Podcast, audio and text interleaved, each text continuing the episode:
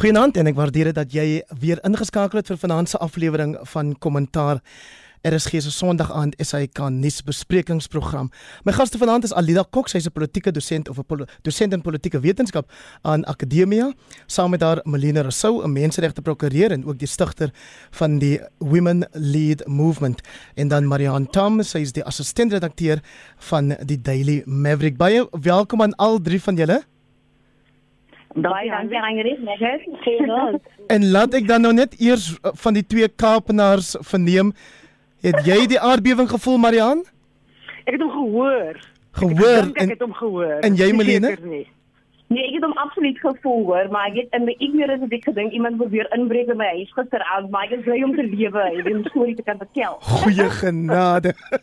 nou maar baie dankie dat julle dit uh, oorleef het en uh, gereed is om saam te gesels vanaand aan die van die belangrike kwessies wat ons die afgelope week gesien afspeel het in ons land. Die eerste week van vlak 1 inperking. Alida Kok wat was jou ervaring die afgelope week gewees? Maar ek dink Suid-Afrikaners is beslis al lankal gereed om te kon oorskuif na hierdie volgende vlak van die inperking. En ehm um, uh, so, ek weet nie uh, die oorskakeling ehm um, dit dit dit het glad verloop en daar was nie daar was nie uitdagings vir dit betref nie. Ek dink die die groter uitdaging is dat weet daar daar word nou redelik geslag het natuurlik dat ons kan wel volgens die regering volgens die bestuur van van hierdie randtoestand wat nou nog steeds in werking is, is nog steeds aktief is dat dit ons ons moet nou bewus wees daarvan dat ons 'n tweede weet 'n tweede golf van van infeksies kan verwag en ehm um, maar terselfdertyd en dat ons moet daarvan ook bewus moet wees dat strenger strenger inperkingsmaatreëls kan weer geld en dat die regering weer ehm um, uh, wel die die plan wat oorspronklik doodgebore was dat ons so inperking dan nou laat geskied as hierdie tweede vlak van ehm um, infeksies en natuurlik of die tweede golf ons tref dat ons inperkingsmaatreëls geldig sal wees gebaseer op streke dat dit volgens streke bestuur sal word weet en dat dat hierdie is nou die toekoms waar ons waar ons moet kan beweeg weet wat dit betref.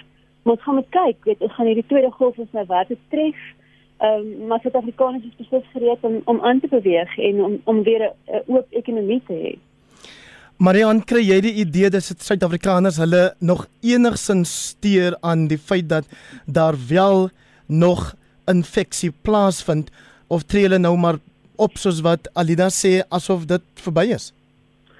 Ag nee, kyk ek glo dit of nee, ek dink uh, die gewone Suid-Afrikaners is baie wetsgehoorsaam en ek dink waar ek nou al uit was, het ek gesien mense dra maskers, mense maak hande skoon, mense probeer om bietjie ver van mekaar af te uh, te bly. Ek dink jonger mense is miskien is dit hulle moeilik om om aan te hou of aan te weet dat dat om te onthou dat hierdie uh, hierdie virus is nog in die lug. Ehm um, maar ek dink oor die algemeen het ons nogal goed gedoen. Ehm um, So ek ek dink daar daar is mense wat wat nou nie gaan luister nie, mense wat wat nie gaan doen nie soos nou van die begin af. Maar ek dink oor die algemeen is ons nogal ehm um, ehm uh, jy weet nie soos die Amerikaners waar ons mekaar uit mekaar slaan buite 'n winkel. Ja, nou dit gebeur maar nie oor die maskers nie. so ek dink ons is eintlik baie wetsgehoorsaam en ons ons ons gaan bybly. Ons gaan doen wat die regering vir ons vra om te doen. Meer as 200 000 mense het reeds in die einste Amerika gesterf. Melene en dan weet ons ook in Brittanje en Frankryk byvoorbeeld is daar strenger inperkingsmaatreëls ingestel na 'n tweede golf besef Suid-Afrikaners dat dit 'n werklikheid is?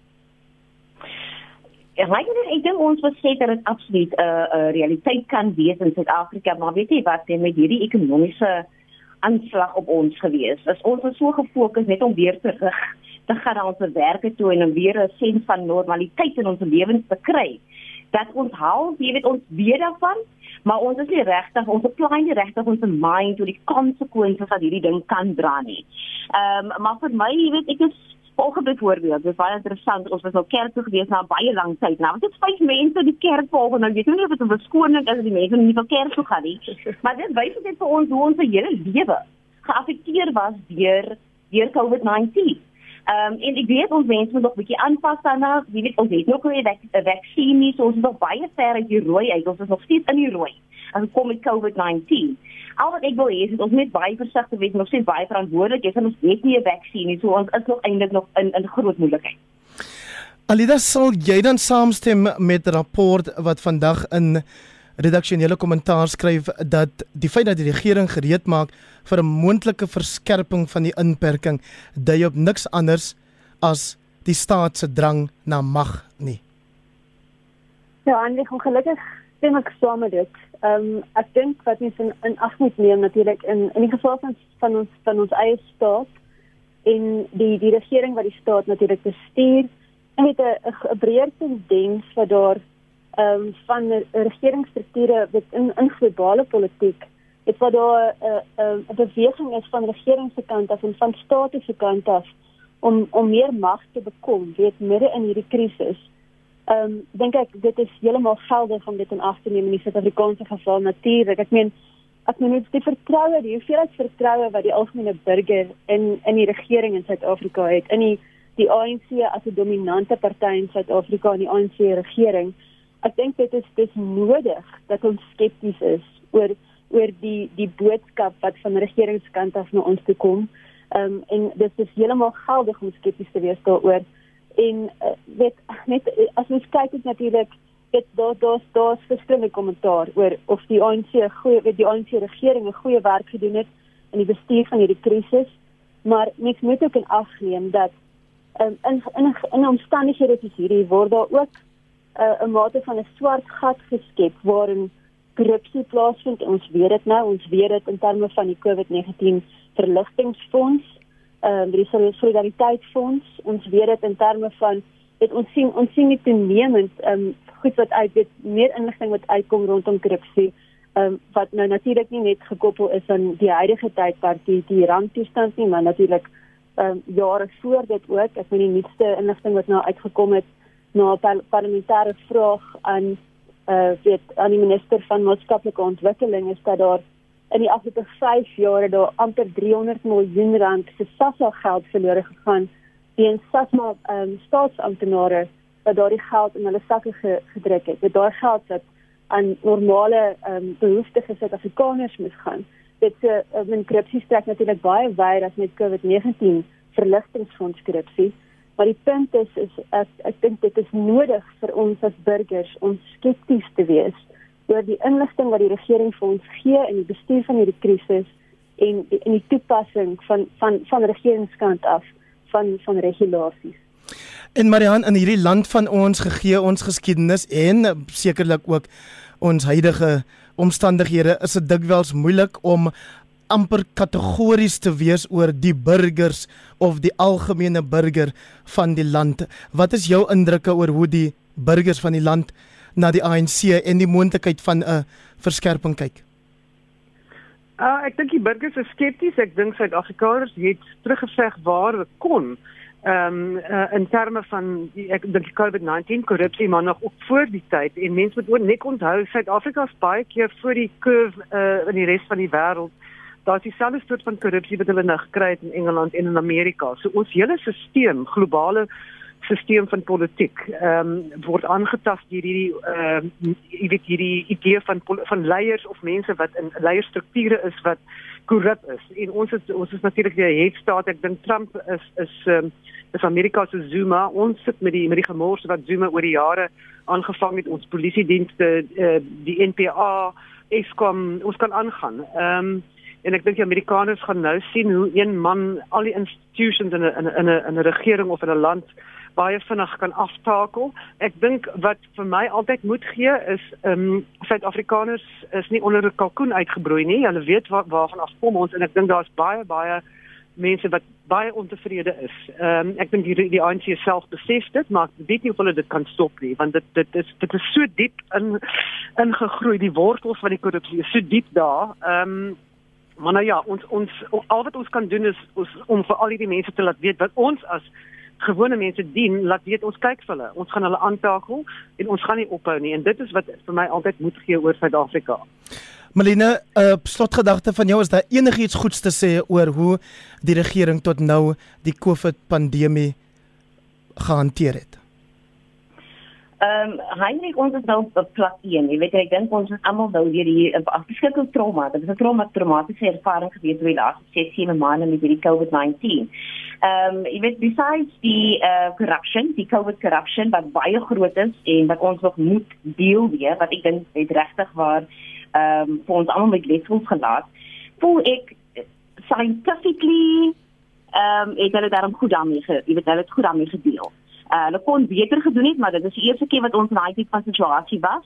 So hulle het die beste gedoen wat hulle kon doen onder die omstandighede. Jy weet en dit is nou buite die geld wat hulle gesteel het terwyl ons almal in ons huise was met maskers.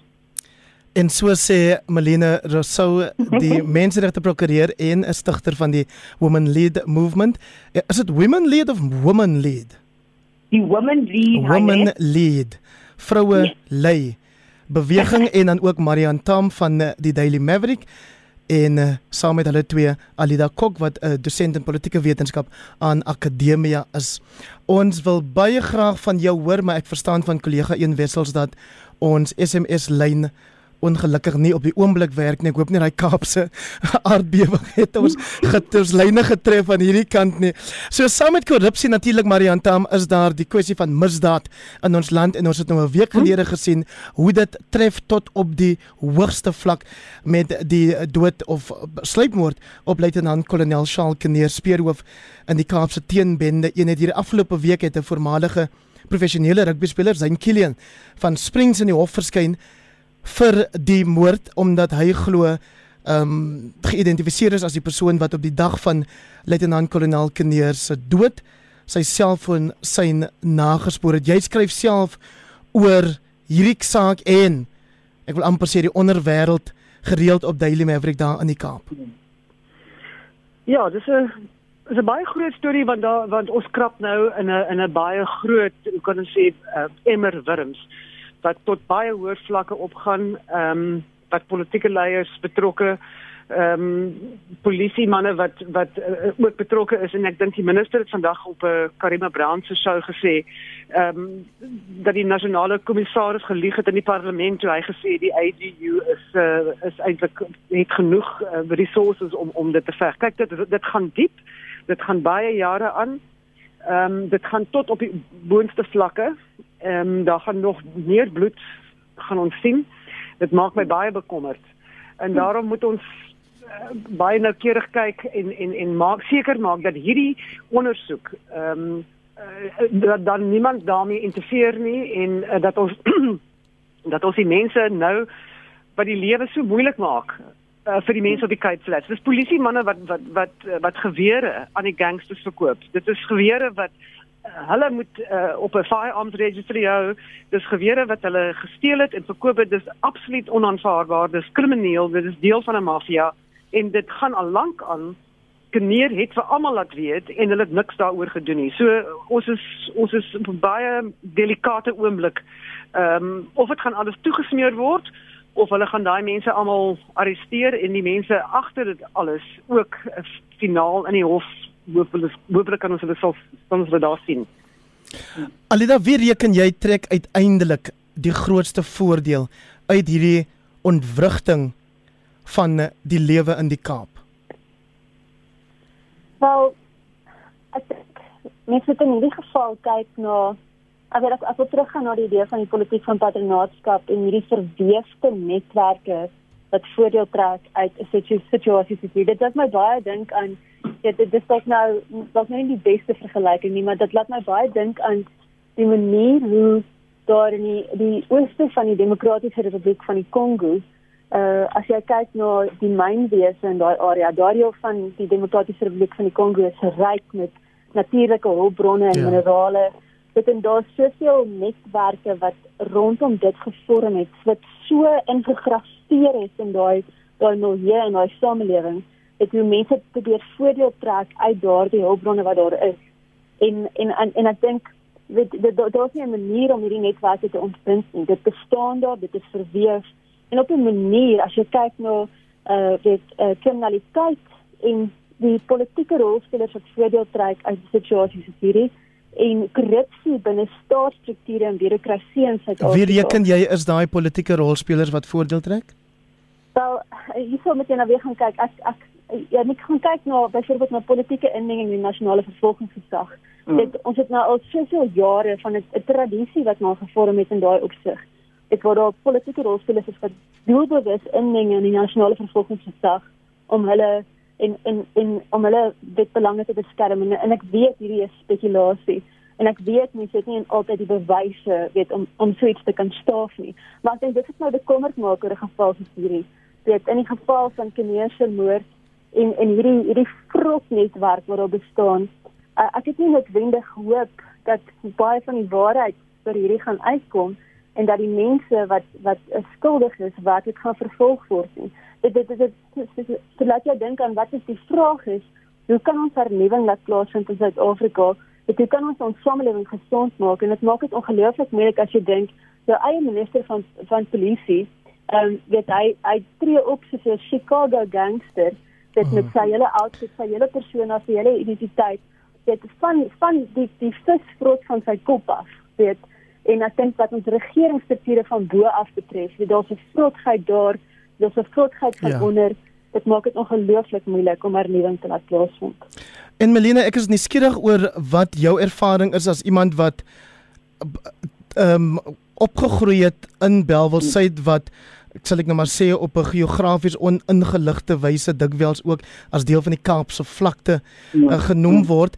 Wat, wat sê jy weet gemeenskappe in plekke soos daai oor die feit dat nou nie net meer die gewone mense nie, maar ook 'n hoë profiel persoon in die polisie op die wyse die teken van benders raak. Heinrich, ek het dit sê gegaan, die, die, die gevoel wat ek het oor die dood van ehm um, is half dat dit 'n kapitalistiese gebeurtenis um, moet wees, 'n geleentheid vir ons om regtig waar vir eens en altyd die korrupsie wat ons as publiek en mense op die Kaapse vlakte van weet wat al vir jare daar is binne in die polisie en die sindikate onder die bendes in die polisie moet expose. Jy weet, die feit dat die bende leiers nou die mas gehad het om so 'n high ranking polisieman te vermoor, stuur 'n baie duidelike en 'n baie gevaarlike boodskap aan ons almal en dit is dat hulle nou op 'n punt gekom het waar hulle nie styg of bewe vir die reg en die regstelsel nie. Ehm um, dit daar's twee aspekte vir my spesifiek oor die oor die kandier ehm uh, moordsaak wat wat regtig my kwellend is. Ehm um, veral oor die feit dat hulle, jy weet, die verwydering van die polisie beskerming onkeer uh gedoen het. Dit enige regdenkende mens en veral as jy die Kaapse fakte bring, veral as jy bly waar Keneer gebly het en Bishop bly was wat net langs aan my gemeenskap was waar ek groot geword het. Ja. Hierdie man het in die einde gang unit gewerk. So uit en aard is jou lewe en dit in jou familie in groot gevaar. Jy weet jy loop 'n hoë risiko uh vir iets om om met jou te gebeur. En ek bedoel, die aard van sy werk en daai eenheid was om gevreesde bendeleiers hier in die Kaap en nie net in die Kaap en miskien heel moontlik in Johannesburg ook. En syndikaate wat betrokke is in moord, bekragting, trafficking, uh smokkelary en so voort te ondersoek. En wat ek vandag gelees het in die koerante en ek moet eintlik nou meer dat regop staan want hy het net hierdie bendes geondersoek nie. Hy het self sy eie kollega ja. geondersoek. Ehm um, in die verskaffing van wapens aan bendes. Nou kom ek sê vir jou die effek wat dit gehad het op ons mense oor die jare. Hierdie bendes het verwoesting gesaai vir dekades in die Weskaap. En om om om vir my, 'n polisieman wat enige rol gespeel het en wat nog steeds 'n rol speel Jy weet hy ek plaas hom op dieselfde skaal van 'n bendeleier. Daai tipe mens moet lewenslange tronkstraf opgedien word sonder parol en die rede hoekom ek so sê is omdat hulle vertrouensnamense uh, uh, uh, posisies in die samelewing inneem en mense vertrou vir hulle en om daai tipe posisie te misbruik om hulle eie mense onder die bus te gooi is onvergeefbaar. En vir daai rede voel ek uh, dat hier koppe gerol moet word. Ek bedoel, ehm um, wie ook al 'n opdrag gegee het binne die polisie ehm um, op bygedra het die opdrag om die sekuriteit van Keneer te verwyder. Ja. Moet nie net geskort word nie. Ek sê jou nou dat daai persoon geondersoek moet word. Ehm um, vir vir vir sy heel mondelike deelname uh, of of sy verbinding aan die moord. Because there's no such thing as a coincidence. En Keneer was op hulle spore gewees en oh nou ek is 'n kriminele prokureur gewees. As as daar ooit 'n motief vir moord gewees het, sou dit een van dit gewees het. En dit was 'n regte ticking time bomb gewees vir Kaleer ongelukkig, want hy het nie net die bendes op sy spoor gehad nie, hy het ook sy eie kollega in sy kantoor gehad wat teen hom werk. Ja. En ek het my kop op 'n blok dat dit wel so is. Ek hou aan uit wat 'n uh, luitenant-kolonel Charles Kende se vrou Nikki vandag in 'n onderhoud met Hanlie Retief in rapport sê niemand het my man beskerm nie. Wie sal die wat my man se dossiere oorneem beskerm? Maar ek wil jou vra Marian om te praat jy het verwys na die deurmekaar spel of die moeilikheid by die sentrale vuurwapenregister hier in Gauteng wat dit moontlik maak vir bendes om vuurwapens te laat registreer en ook te bekom. Jy sal onthou daar is 'n hele hoofstuk hieroor in Jacques Pau se The President's Keepers. En tog het daar tot nou skynbaar niks gebeur behalwe een kolonel dink ek wat tronk toe gestuur is 'n tyd gelede nie. Ja, maar dieselfde uh, uh, ek het 'n bietjie van 'n ego as ek met jou praat Heinrich. So dit dit dit uh, as ek nou soos 'n mal mens begin praat. O, ons ons hoor jou nog baie mooi so. Okay. Jy klink daarom nog nie so nie. Okay. Ehm um, kyk daai saak ehm um, het het op 'n stadium soos jy sê net een polisieman is is is nou in die tronk toegesluit daaroor. En daar's die die hofsaak wat nog aangaan met 'n met 'n Kaapse besigheidsman. En soos nou vroeër gesê het, ehm um, die die hoeveelheid vuurwapens wat begin invloed het hier in die Wes-Kaap. Het, het jy nou sopas na Nafis Modek as 'n Kaapse besigheidsman verwys? Nee, ek het niemand se naam genoem nie. Okay. Gaaf. Ehm um, maar kyk daai da storie van van van die bende self en wat oorneem en wat politieke invloed wil probeer kry is is die is die cream bo op ander waar die gewere dan uh, uitgegee word aan die gangsters waar hulle 'n territory oorneem. Ehm um, uh, die die minister het vandag op TV gesê hulle het nie gereageer op Kneer se baie lank oor 50 bladsye ehm um, ding wat hy ingestuur het, hy het almal genoem die die vuurwapen storie is kern hier ook. Uh, ek moet vir jou sê. En ons het nie arrestasies gesien nie en ehm um, mense wonder of of of of hulle nou gaan beweeg op daai op daai vlak. Maar dieselfde minister Alida Kok en jy het eintlik vroeër verduidelik na of verwys na hoe hy dikwels optree so op 'n billebak manier in die afgelope week het hy ek wil amper sê ehm um, ge, ge ge, wel, nie vuur gespieg nie, maar speeksel gespieg na 'n boer wat dit durf waag het om vir hom te vra of hy dink dis oukei okay, dat iemand anders se vee op jou grond of landerye wy en dan mag jy nik jy mag geen optrede loods nie. Ja, en dit het beslis dit dit daai die daai optrede van die minister in daai konteks het beslis bygedra tot 'n groeiende polarisering tussen groepe mense in hierdie land dit eh, daar's 'n sekere sensitiwiteit wat ek nodig het. As jy in ag neem dit die uh, ja, ehm um, die die, die moord moordstatistiek in Suid-Afrika is buitengewoon hoog. Dit ons leef in 'n 'n konteks waar daar soveel geweld en misdaad is. Terselfdertyd is daar ook werklik uh dit daar's 'n 'n toename in plaasmoorde en dit daar's daar's 'n algemene onveiligheid op ons plat in ons platlandse gebiede dit mense in platlandsgebiede is werklik uitgelewer. Ehm um, en die minister se optrede by daai imbizo in in Newcastle is regtig ehm um, mens kan nie help om te dink dat dat hy 'n mate van plesier dit gepik het nie en dat daar 'n tipe van 'n dos dosse dosse 'n uh, sentiment onder die oppervlak wat wat mense wat mense kan optel en probeer kan probeer meet. Dit jy as jy sin maak van die minister se optrede, die manier hoe die skare, die klein gehoor hande geklap het vir wat hy gesê het, het en gelag het, het hulle ja. dit geniet wat hy gesê het. Dit het daar is daar 'n bormende woede en 'n frustrasie wat wat onder die mense bestaan en verder posvat. Dit lei tot verdere polarisering, dit lei tot verdere vrees. En en ek dink dit mense moet ook in ag neem dat daar sekere groepe in hierdie land wat ook minderhede is. Dit minderheidsgroepe het daar's eh, dit 'n verskeie groepe het op ander vlakke hulle kwesbaarheid in ons samelewing en ons het mekaar se kwesbaarhede moet ons in ag neem. Dit jy moet respek hê vir mekaar se wederwysige kwesbaarhede. Dit of dit nou is dat jy in armoede leef, dit is 'n besliste kwesbaarheid. Terselfdertyd is is daar ook 'n kwesbaarheid dat jy moontlik 'n minderheidsgroep is ja. en dat jy maklik 'n sondebok gemaak word in 'n samelewing. Dit is tipies soos 'n wit boer word maklik 'n sondebok gemaak in 'n samelewing. So kom ons vra eh, dat dat dan is baie van die ontvangkant van daai boerlinde boere. Die minister het geen empatie met daai situasie gehad nie. So kom ons vra dan nou vir Melene wat die afgelope wat was dit maand of dalk meer betrokke was by sessies met hawelose mense in die stad Kaapstad om oplossings te probeer soek daarso en veral wat die sogenaamde LGBTQI+ gemeenskap aanbetref. Mm. Hoe sou jy so 'n sessie waar die minister veronderstel is om 'n plaaslike plaaslike rolspelers te moet kom ontmoet oor die spanning wat daar heers?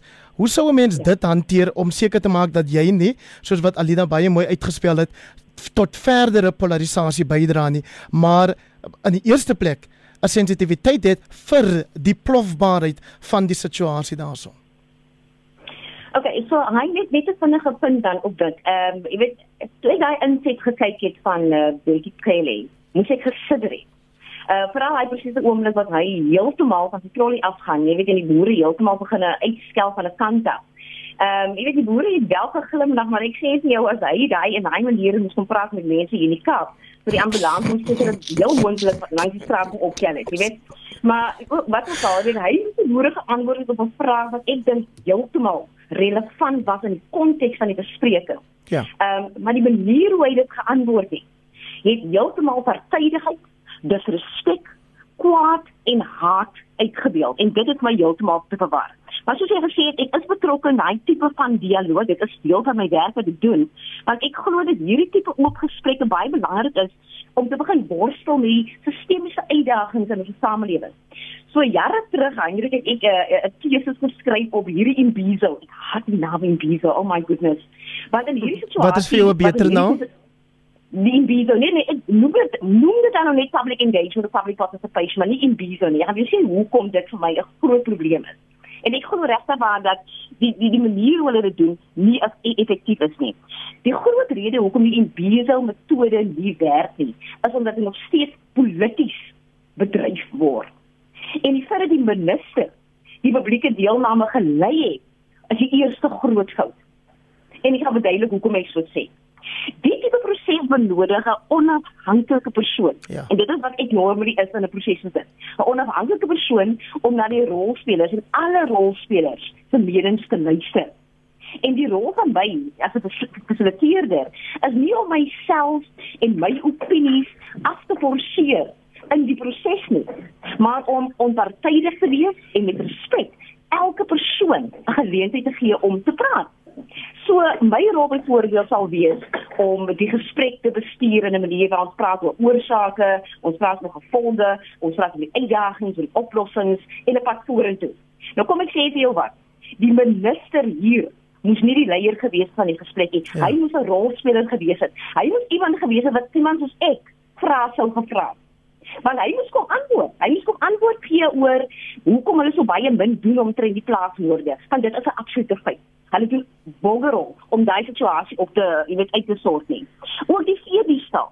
Dit is ernstige situasies wat hy moes kom antwoord gee, maar hy het nie geleentheid gekry om hy homself daai geleentheid gegee omdat hy so baie was om daai tipe goeders uh, uh, te beantwoord nie. En sodra hy, toe hy homself as die leier van die proses gestel het, was die skale onmiddellik ongebalanseerd geweest. En wat dit veroorsaak is, jy isoleer mense. Jy isoleer mense om weer deel te wil neem aan so 'n tipe van proses. Want ek is seker hy plaasboere wat daartoe gekom het, wou regtig waar antwoorde gehad het. En nie net antwoorde nie, ek is seker hulle sou oop gewees het om ook deel te wees om op oplossings te vind en om saam te werk om die situasie, jy weet, te bekamp but they were not given that opportunity to do so. So hy het daai vyf waardes wat ek glo moet in hierdie tipe proses uh uh, uh wees om dit baie effektief te maak en daai waardes is menswaardigheid, respek, integriteit, onpartydigheid en objektiviteit. En so ver as moontlik in my werk maak ek seker dat daai waardes die kern is in terme van wanneer ek 'n proses bedryf.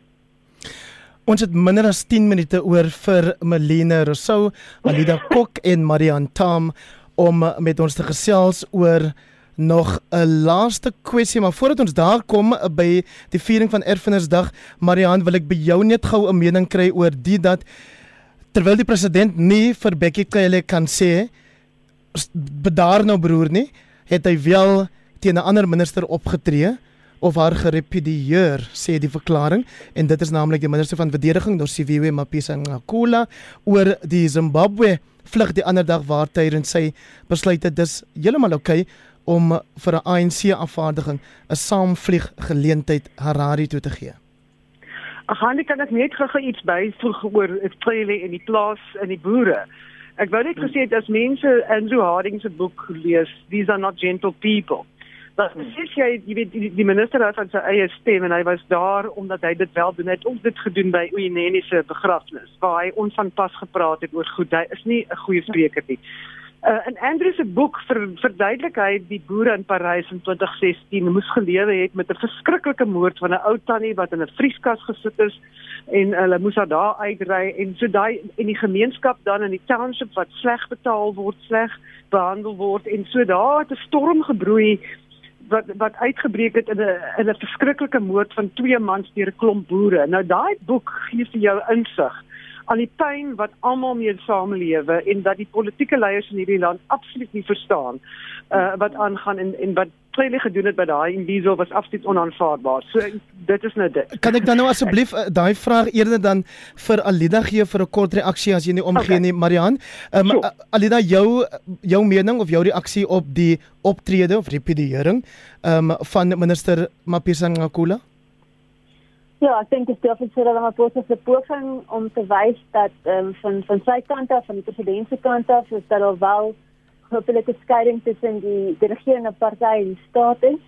Dit ek ek dink op 'n manier is dit 'n uh, dalk dit binne die die die uh, jurisdiksie van die president binne sy moontlike die die rol wat hy wel kan inneem want onthou hy is deel van die uitvoerende gesag, so hy kan nie iemand vervolg in terme van die regsprekende gesag nie dit maar in hierdie geval kon hy 'n minister van sy kabinet dit kon hy sê sy gaan 3 maande se salaris nie kry nie. Ehm um, dit in in dit was binne die raamwerk van wat hy kan doen kon hy ten minste poog om te wys van sy kant af dat daar 'n skeiding tussen die regerende party en die staat is. Maar ek sou sê op 'n manier is hierdie dis dis maar 'n baie klein wel betekenisvolle ding maar baie baie klein druppel in die emmer weet vir die wat die groter die probleme in Suid-Afrika betref van hierdie ANC en die staat saamgesmelt het om een om een ding te word. Nou kom ons praat oor ons laaste onderwerp naamlik Erfenisdag uh, wat gevier is die afgelope donderdag. Ek meen dat vanaand dalk die eerste keer in die geskiedenis van kommentaar is dat daar drie vroue deelneem en die afgelope donderdag is daar ook hulde gebring aan drie sogenaamde lewende erfenisskatte Melina, Dr Esther Maslango, bekende kunstenaar, die musikant Madosini en dan wat mense seker die taalskat ouma Katrina Eso wat die beskermde dame eintlik nou geword het van die Ngu taal. Wie anders sou by daai lys gevoeg kon word? Nee, ek kan maar net kan antwoord op dit. Ja, en dit ek, ek wil eintlik eintlik gesê dat jy weet ek ek is nie iemand wat erfenisdag eintlik stuur nie. So, uh, jy weet die vraag alleen die hele celebration om dit, jy weet dit is iets wat ek dink ek sal goed kan beantwoord, nie, maar as as jy wil, kan ek jou sê hoekom ek nie ergens dag eintlik wil vier nie. Ek het Ons luister graag. Ons luister graag. Ja. Ek voel dit nie. Ek voel dit nie oor die laaste paar jaar nie, van ek voel daar's op baie low tolerance. Ehm um, tussen ons uh, kulturele groepe, tussen die rassegroepe in hierdie land en ehm um, jy weet, kan ons grondwet is baie kleer. Dit sê dat jy weet South Africa belongs to all people who live in it, divided in our diversity and so forth. Maar ons mense het 'n baie lae verdraagsaamheid van ander. En dit voel vir my al meer dat uh, erfenisdag 'n kompetisie geword het hier in Suid-Afrika. Of wie se erfenis meer belangriker is as die ander. Dit sê 20 jaar in hierdie demokrasie en ons baie mense, baie van ons mense, is nog steeds baie onkundig oor die erfenisse van ander groepe in die land en ek en ek ek ek, ek, ek, ek uh, count myself daarin. En in daardie onkundigheid is ons baie oordelig en en ons onderdruk ander mense wat nie soos ons lyk op praat nie. Nou, jy weet in daai konteks is dit 'n groot bedreiging vir ek vir ons vrede, vir ons verdraagsaamheid, vir ons eenheid in ons land. So dit vir my vir die volgende paar jaar, ons gaan nog steeds die erfenisdag vier tot alle uh, erfenis in hierdie land gelyke respek uh, res, respek kry of herkenning kry nie. Ek sal eerder wil meer weet oor ander mense se erfenis of mense leer oor my erfenis as 'n kleerling mens in die Kaap of om mense net te leer om meer gedraagsaam te wees. Want ek voel dis 'n klug Heinrich. Ehm um, jy weet hierdie celebration, hierdie braai dag nonsens wat ons het hier in hierdie land. Dit is 'n klug because we do not have tolerance in this country. En ek dink ons kan dit langer, jy weet, 'n uh, 'n uh, uh, ander rek sou nie. Alida, jy het baie onlangs in jou rubriek in beeld geskryf na aanleiding van hierdie debat oor openbare standbeelde en uh, die plan vir sogenaamde erfenis tema parke. Minderhede moet hul teenwoordigheid in die openbaar self beheer. Wat is jou reaksie op die mense wat wel vereer is die afgelope donderdag en wie nie vereer is nie? Wel, ek ek wil by Melanie ook aansluit dat dat ek dink dat dit min mense uh, weet van van ons wat ek nou dink van my deel weet baie in die samelewing teenwoordig is dit so ongelukkig min mense wat werklik ek dink deel voel van 'n top down celebration as ek dit sou kan noem van van erfenisdag. Ehm um, en uh dit dit die die nome ek dink vir my staan Esther Mslange byvoorbeeld uit te leeg gesê het ehm um, vereer was weet want ek ek ken haar in terme van haar indebele kuns, die die BMW kuns dit sê sy staar dit dit wat dit betref. Maar daar's min mense wat werklik aanklank vind ek dink van veral van 'n van 'n wit samelewing af as ek dit so kan stel. En dit gaan daaroor dat ek dink mense nie bereidwilligheid het om mekaar beter te ken of beter te verstaan of weet ehm um, weet by mekaar uit te kom nie. Maar die die manier hoe die politiek gedryf word van bo af na onder toe is ongelooflik skadelik. As jy byvoorbeeld dink wat nou gebeur het wat ek dink wat erg teleurstellend was is dat die president tydens sy erfenisdag toespraak het hy ook sy stene amptelik weet weet uitgespreek om dit uh, openbare standbeelde, simbole en monumente wat herinner aan die apartheidstydperk en die koloniale tydperk dit om dit te skuif na hulle noem dit nasiebouparke of temaparke met om dit te skuif uit die openbare uit dit en en dit natuurlik dit het te doen daarmee dat mens met 'n gevoeligheid of 'n sensitiwiteit het die kwesbaarheid het van van sekere groepe natuurlik in die land, maar terselfdertyd sê jy vir 'n ander groep weet julle julle hoort nie in on, in ons samelewing nie. Die manier hoe julle erfenis hoort in ons samelewing nie. Ons wil julle nou weet 'n tema park skep wat wat ons vir julle bespotting van maak. Dit, dit dit dit is baie slegte sosiale kohesie. Kom ons kry dan 'n laaste woord van jou Marian um, binne 'n minuut asseblief jy naamlik die skrywer van die memoir Hitler verwoord Mandela and me. Mm. Ek kyk ek, ek voel nie myself 'n uh, minderheid nie. Ek voel myself deur van die groter Suid-Afrika, maar dis omdat ek nou self uit 'n huis uit kom met verskillende kulture en tale en dit was altyd vir my 'n wonderlike ding om ander mense se manier van glo of eet of dans geniet ek. So ek voel ek, as gevolg daarvan voel ek my deel van 'n groter gemeenskap en ek ek uh, I subscribe to the values. Natuurlik is ek wit en ek het in die jare dit saak gemaak dat ek wit is. Maar vir my is dit lekker om vir my kinders al die verskillende musieke te te kan speel en ek speel ek praat Afrikaans. Ja. Weet dis nie my taal nie. Engels is ook nie my taal nie. Maar verskriklik baie dankie dat jy vanaand in Afrikaans deelgeneem het aan kommentaar Marian Tam van die Daily Maverick, ook Alida Kok wat doseer in politiek aan Akademia en Melina Rousseau 'n menseregte prokureur. En dan veral baie baie dankie aan julle wat so getrou inskakel elke Sondag aand. Ek is môre oggend ter oggend terug op RSG op monitor en daarna staan ek in vir Lenet Francis Puren op praat saam waar Dr Lindy Koorts 'n historikus van die Universiteit van die Vrystaat en Dr Donovan Lawrence, 'n taalkundige van die Universiteit van Wes-Kaapland gaan praat oor die ondier van taalvooroordeel en die skoonheid van taalverskeidenheid. Praat gerus verder met my op Facebook of stuur sommer 'n e-pos na hein.w@mweb.co.za.